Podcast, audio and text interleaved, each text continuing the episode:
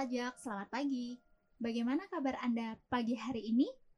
Kali ini saya Ijun akan membawakan kajian berita hangat, seru, dan teraktual dari dunia pajak. Di mana lagi kalau bukan di podcast Pamorku. Dan seperti biasanya, kami akan segera menyampaikan informasi utama di Pamorku pada pagi hari ini. Baik kawan pajak, inilah berita utama Pamorku. Pamorku periode 12 sampai dengan 18 September 2020 terdiri dari total 449 berita dengan puncaknya terjadi di tanggal 17 September 2020. Tidak terdapat artikel dengan tone negatif pada minggu ini. Top 3 narasumber minggu ini adalah Ibu Sri Mulyani Indrawati Menteri Keuangan Republik Indonesia, Bapak Agus Gumiwang Menteri Perindustrian Republik Indonesia, dan Bapak Hesti Yoga Saksama Direktur Kedua Humas BPP. Bahasan utama pada periode ini adalah Menteri Perindustrian mengusulkan tarif PPNBM 0% untuk mobil baru. Pemerintah resmi bebaskan PPN atas bahan baku kertas koran dan majalah. PPH atas laba perusahaan digital asing masih jadi perdebatan di forum G20. Menteri Keuangan sebut bahwa perlu kerjasama antar negara demi melaksanakan reformasi pajak dan penerimaan perpajakan diperkirakan akan ambles 37,4 triliun rupiah dari perkiraan sebelumnya.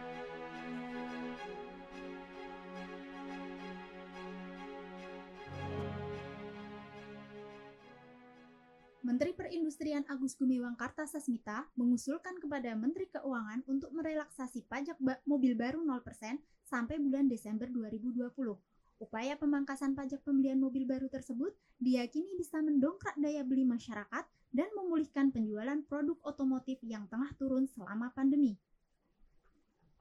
Dalam rangka menjaga produktivitas media massa, Menteri Keuangan menerbitkan PMK nomor 125 garis miring PMK 010 garis miring 2020 tentang pajak pertambahan nilai ditanggung pemerintah atau PPNDTP atas impor dan atau penyerahan kertas koran dan atau kertas majalah yang dilakukan oleh perusahaan pers media cetak pada tahun anggaran 2020. Perusahaan pers media cetak yang berhak mendapatkan kemudahan berupa PPNDTP yaitu perusahaan media cetak yang menyelenggarakan, menyiarkan, atau menyalurkan informasi berupa penerbitan surat kabar, jurnal, buletin, dan majalah dengan kode klasifikasi lapangan usaha 58130. Penarikan pajak untuk produk atau transaksi digital negara-negara anggota G20 masih belum tercapai lantaran tertahan oleh sikap Amerika Serikat. Rencananya, negara-negara G20 bersama dengan Organization for Economic Cooperation and Development atau OECD berharap pembahasan tersebut bakal mencapai kesepakatan pada bulan Juli lalu. Menteri Keuangan masih menunggu kesepakatan global mengenai penerapan pajak penghasilan atau PPH atas subjek pajak luar negeri atau SPLN dan baru akan terapkan PPN atas produk dan jasa digital luar negeri. Pemerintah mengakui untuk mendorong kepatuhan dan penerimaan negara, reformasi pajak harus dilakukan. Namun, untuk melakukan reformasi pajak dibutuhkan negara lain untuk bisa saling kerjasama. Indonesia dan negara-negara di kawasan dinilai perlu saling bertukar pengalaman dan pengetahuan mengenai kebijakan reformasi pajak. Oleh karenanya, pemerintah mengapresiasi inisiatif Presiden Asian Development Bank atau ADB, Masat Sugu Asakawa, yang telah membentuk Hub Domestic Resource Mobilization atau DRM atau Regional Mobilisasi Sumber Daya Domestik dan menginisiasi kerjasama pajak internasional di Asia dan Pasifik. Menteri Keuangan menyampaikan, tahun depan penerimaan pajak akan ambles hingga 37,4 triliun rupiah dari yang sebelumnya ditargetkan dalam rancangan anggaran pendapatan dana belanja negara atau RAPBN 2021. Adapun postur sementara penerimaan perpajakan tahun depan sebesar 1.444,5 triliun rupiah Angka tersebut lebih rendah 2,5 persen dari outlook RAPBN 2021 senilai 1.481,9 triliun rupiah. Berikutnya kita memasuki sesi wawancara dengan topik reformasi perpajakan melalui kerjasama internasional. Selama minggu kemarin, info mengenai kerjasama perjanjian perpajakan yang diinisiasi oleh ADB banyak menghiasi pemberitaan di media massa, di mana pada kesempatan tersebut Ibu Menteri Keuangan yang hadir dalam acara annual meeting ADB menyatakan bahwa reformasi perpajakan di Indonesia tidak akan berhasil tanpa ada kerjasama dengan negara lain. Sebenarnya seperti apa reformasi perpajakan yang sudah dijalankan oleh Indonesia dan bagaimana situasinya di saat pandemi COVID sekarang ini? Untuk menjawab pertanyaan tersebut, telah hadir bersama kami Bapak Yeheskel Minggus Tiranda atau yang juga dikenal dengan panggilan Pak Yes, Kepala Subdirektorat Kerjasama dan Kemitraan Direktorat P2 Humas. Selamat pagi Pak Yes. Ya, selamat pagi. Gimana kabarnya nih Pak? Luar biasa. Tetap Baik, semangat dong ya? Ya, harus. Meskipun di tengah-tengah pandemi yang seperti ini ya Pak ya? Ya. Oke, okay. langsung aja ya Pak ya Berbicara mengenai reformasi perpajakan, apalagi dikaitkan dengan kerjasama internasional, nah bagaimana sih Pak DJP itu merespon situasi di tengah-tengah COVID-19 ini agar spirit reformasi perpajakan itu tetap terjaga gitu Pak? Oh iya, ini pertanyaan yang sangat uh, mendasar ya, jadi terima iya. kasih. Ya. Minimal ini uh, bisa memberikan gambaran menyeluruh uh, sebetulnya arah atau apa sih yang menjadi uh, pemicu program besar yeah. yang dilakukan oleh Direktur Jenderal Pajak pada saat ini ya. Yeah. Jadi uh, sebagaimana yang kita pahami bahwa yang namanya suatu perubahan atau transformasi atau yang sering kita dengar dengan istilah reformasi yeah. itu memang uh, pendorongnya atau triggernya bisa muncul dari uh, banyak uh, sisi ya banyak sudut pandang Yeah. Contoh yang sering kita lihat di dalam uh, apa pengalaman, mungkin saja ada uh, perubahan uh, kepemimpinan hmm. itu salah satu faktor pendorong, hmm. atau bahkan dinamika yang terjadi di uh, yang sekarang ini di teknologi, yeah. atau dinamika ekonomi, hmm. atau yang sekarang sedang dialami oleh seluruh dunia situasi di mana uh, virus corona uh, menyebar di berbagai tempat dengan adanya banyak batasan-batasan atau pembatasan-pembatasan terhadap hmm. aktivitas itu kan membuat uh, memberi pengaruh yang luar biasa hmm. terhadap aktivitas kehidupan sehari-hari. Hmm. Nah, situasi seperti ini juga sebetulnya menjadi bagian yang men-trigger hmm. uh, banyaknya perubahan yang terjadi bukan hanya di Direktorat Jenderal Pajak, hmm. di Kementerian Keuangan, bahkan hmm. di seluruh institusi uh, pemerintah, hmm. tidak terkecuali juga swasta. Hmm melakukan respon terhadap situasi seperti sekarang ini. Nah, kita beruntungnya eh, Direktorat Jenderal Pajak eh, dengan berbagai eh, pengalaman atau sejarah yang panjang ini apa yang terjadi pada saat ini di tengah-tengah situasi eh, pandemi virus hmm. itu membuat eh, desain eh, transformasi hmm. atau desain perubahan memang harus dilakukan penyesuaian. Nah, kalau kita lihat sekarang bisa dari sisi uh, konten uh, kebijakan hmm. juga dari sisi administrasi hmm. perpajakan. Hmm. Nah, dua-duanya ini uh, paralel. Jadi dalam dua area ini uh, ada respon terhadap hmm. situasi yang uh, terjadi khususnya akibat dari uh, sebaran virus corona hmm. yang melanda di seluruh dunia, hmm. tidak terkecuali di Indonesia. Nah, kalau teman-teman uh, lihat bahwa respon pemerintah sangat cepat ya. Hmm Artinya uh, spirit uh, reform ini juga merespon situasi yang ada pada saat ini. Contoh yang sederhana adalah uh, terkait dengan kebijakan uh, pemulihan ekonomi nasional. Hmm. Bagaimana pemerintah memberikan respon yang luar biasa dengan melakukan uh, penyesuaian terhadap uh, APBN hmm. dan ini manfaatnya akan dirasakan oleh masyarakat di tengah-tengah situasi seperti sekarang ini. Itu terkait dengan uh, respon uh, kita terhadap uh, situasi dari sisi kebijakan ya. Hmm. Nah, dari sisi administrasi juga lebih banyak lagi. Kalau lihat teman-teman sekarang uh, kita sangat membatasi uh, kontak fisik atau apa. Nah, ini hmm. mau tidak mau uh, ada respon dari administrasi di bidang perpajakan. Hmm.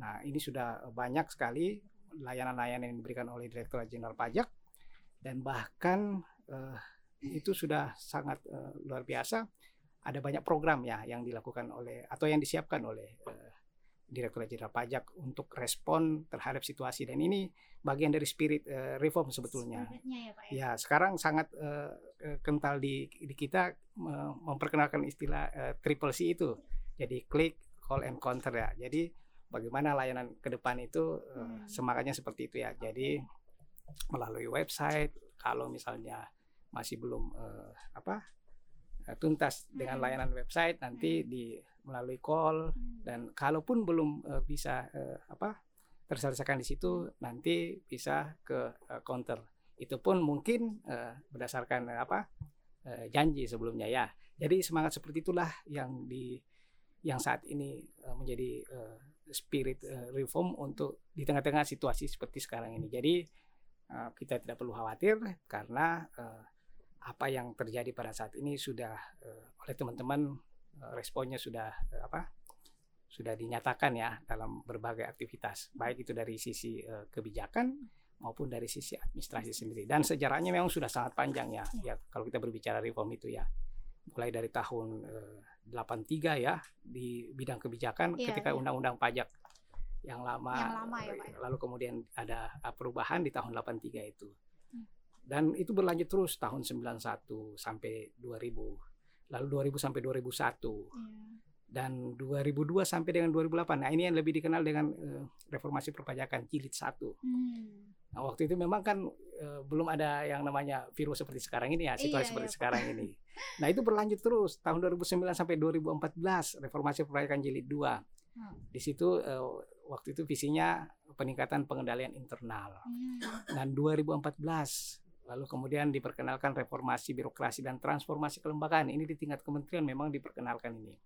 Dan yang terakhir ini yang saat ini sedang berlangsung adalah 2016 sampai 2020 itu kita kenal dengan istilah reformasi perpajakan jilid 3. Jadi konsolidasi, akselerasi dan kontinuitas uh, reformasi perpajakan. Nah, yang paling penting adalah kontinuitas ini tadi hmm. bahwa uh, keadaan pada saat ini ini tidak akan uh, artinya mungkin tidak akan mengganggu kontinuitas ini. Artinya mudah-mudahan kita bisa mengatasi dan tetap menjaga kontinuitas dari uh, spirit reformasi itu. Nah, Oke, gitu.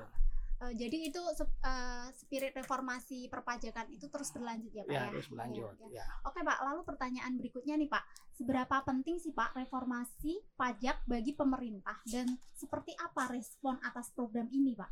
Nah, ini uh, memang sangat penting ya karena saya sebutkan tadi bahwa eh, kondisi itu dinamis baik itu kondisi eh, ekonomi sosial dan teknologi juga kan sudah sangat maju. Jadi memang eh, reformasi ini menjadi sesuatu yang sangat penting bagi kita semua ya bukan hanya untuk eh, otoritas. Nah komitmen pemerintah pun eh, memang eh, kita kita bisa eh, buktikan dan kita bisa lihat secara nyata ya.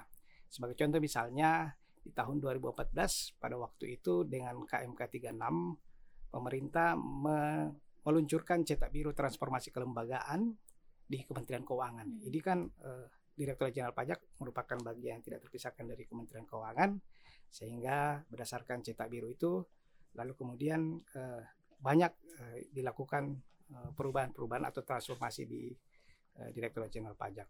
Lalu kemudian komitmen pemerintah ini dilanjutkan di tahun 2016 dengan adanya eh, KMK 974 tentang reformasi birokrasi dan transformasi kelembagaan dalam rangka penguatan inisiatif strategis. Lalu berlanjut lagi KMK 360 tahun 2017 ya.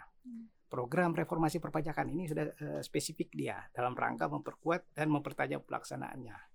Nah, kelihatan bahwa uh, komitmen pemerintah memang sangat tinggi karena ini sangat penting bagi uh, perkembangan sistem perpajakan kita. Dan uh, bahkan komitmen ini tingkatannya lebih tinggi lagi di tahun 2018 dengan keluarnya Perpres 40 tahun 2018. Di situ uh, lebih dikenal dengan pembaruan sistem administrasi perpajakan yang tujuannya untuk menciptakan sistem administrasi perpajakan yang lebih efektif dan efisien. Nah, ini Kemudian ditindaklanjuti dengan uh, keputusan Menteri Keuangan tahun 2018 767 KMK 03 2018 yang intinya adalah uh, bagaimana uh, tindak lanjut dari Perpres 40 hmm. tadi yaitu pembaruan sistem administrasi perpajakan. Nah, hmm. banyak hal yang dilakukan di sisi administrasi perpajakan. Ini untuk reformasi administrasi. Hmm. Uh, tapi ini tidak berjalan sendiri saja karena ini paralel dengan uh, reformasi kebijakan. Nah, makanya di lingkungan teman-teman Direktorat Jenderal Pajak, hmm. ada kelompok kerja uh, peraturan, regulasi, ada kelompok kerja proses bisnis, okay. dan ada kelompok kerja SDM dan organisasi. Jadi semuanya ini paralel gitu. Makanya uh, begitu pentingnya uh, yang namanya uh, reformasi atau transformasi ini dinyatakan dengan komitmen pemerintah dengan memberikan landasan-landasan hukum supaya kegiatan ini bisa terstruktur lalu memang desainnya sesuai dengan uh, kebutuhan di masa yang akan datang dan sesuai dengan kondisi organisasi pada saat ini. Itu mungkin ya. Uh, lanjut ya Pak ya. ya. Untuk pertanyaan berikutnya nih Pak. Bagaimana sih cara tim reformasi perpajakan Direktorat Jenderal Pajak ini mengupayakan dukungan stakeholder demi suksesnya reformasi tersebut Pak? Ya, uh, memang kalau kita uh, pahami bahwa yang namanya suatu perubahan atau reform atau transformasi itu suatu pekerjaan yang membutuhkan uh, dukungan dari banyak stakeholder, hmm. bukan saja stakeholder internal para pegawai direktur jenderal pajak, tetapi stakeholder eksternal juga hmm. dan uh, dukungan-dukungan ini akan sangat uh, membantu atau akan sangat menentukan sukses tidaknya suatu program uh, reform atau transformasi. Hmm. Makanya ada satu uh, apa aktivitas atau ada satu fungsi yang saat ini sedang uh, galak ya apa sedang digalakkan di ya. di kita di uh, tim reform yang namanya uh, pendekatan manajemen perubahan atau change management. Change. Ini satu perubahan uh, apa manajemen kegiatan terstruktur sebetulnya ya untuk bagaimana uh, bisa membantu individu atau kelompok atau bahkan organisasi agar bisa beradaptasi dengan kondisi masa depan yang diinginkan. Jadi uh, seperti itu supaya uh, para stakeholder ini bisa tetap uh, uh, intens ya, uh, berkomitmen untuk bisa mensukseskan satu pekerjaan yang tadi saya jelaskan. Ini satu pekerjaan yang sangat penting dan sangat luar biasa karena ini akan menentukan ke depan seperti apa uh, organisasi dari Direktur Jenderal Pajak ya, yeah. serta layanan yang diberikan oh, ya. Okay. Itu tuh jadi memang ada pendekatan manajemen perubahan yang saat ini uh, juga digalakkan di Direktur Jenderal Pajak untuk bisa membuat uh, suksesnya program besar ini. Ada beberapa kunci penting sebetulnya yang menjadi critical success uh, factors ya yang menentukan uh, uh, kemungkinan bisa suksesnya uh, program besar ini. Hmm. Jadi yang pertama adalah komitmen yang kuat atau ownership dari para stakeholder. Hmm. Lalu uh, ada uh, open mindset, mm. availability of key users, mm. quick uh, decision making, uh, cross functional teams yang uh, benar-benar mempromosikan kolaborasi ya antar para uh, stakeholder yang terkait. Lalu uh, fokus. Nah, yang namanya suatu uh, program uh, reform atau transformasi, tingkat keberhasilannya juga tergantung pada uh, fokus dalam uh, mengelola inisiatif atau program atau proyek yang sedang didorong pada saat itu.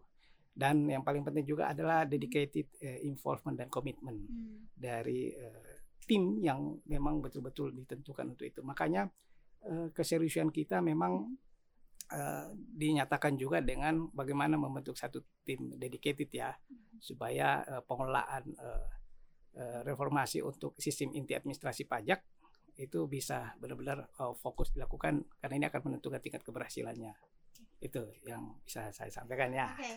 Uh, eh, jadi salah satu upayanya upayanya tadi change management ya Pak ya. ya. Ini untuk pertanyaan terakhir nih Pak. Ya. Uh, bagaimana strategi Direktorat Jenderal Pajak menjaga agar semua inisiatif yang mendorong pengelolaan perpajakan yang bisa terlaksana dengan sukses gitu Pak? Ya, ini memang satu tantangan bahwa program besar atau visi besar ini dilakukan bersamaan dengan Eh, pekerjaan rutin yang ada di rutin yang ada di Direktorat Jenderal Pajak.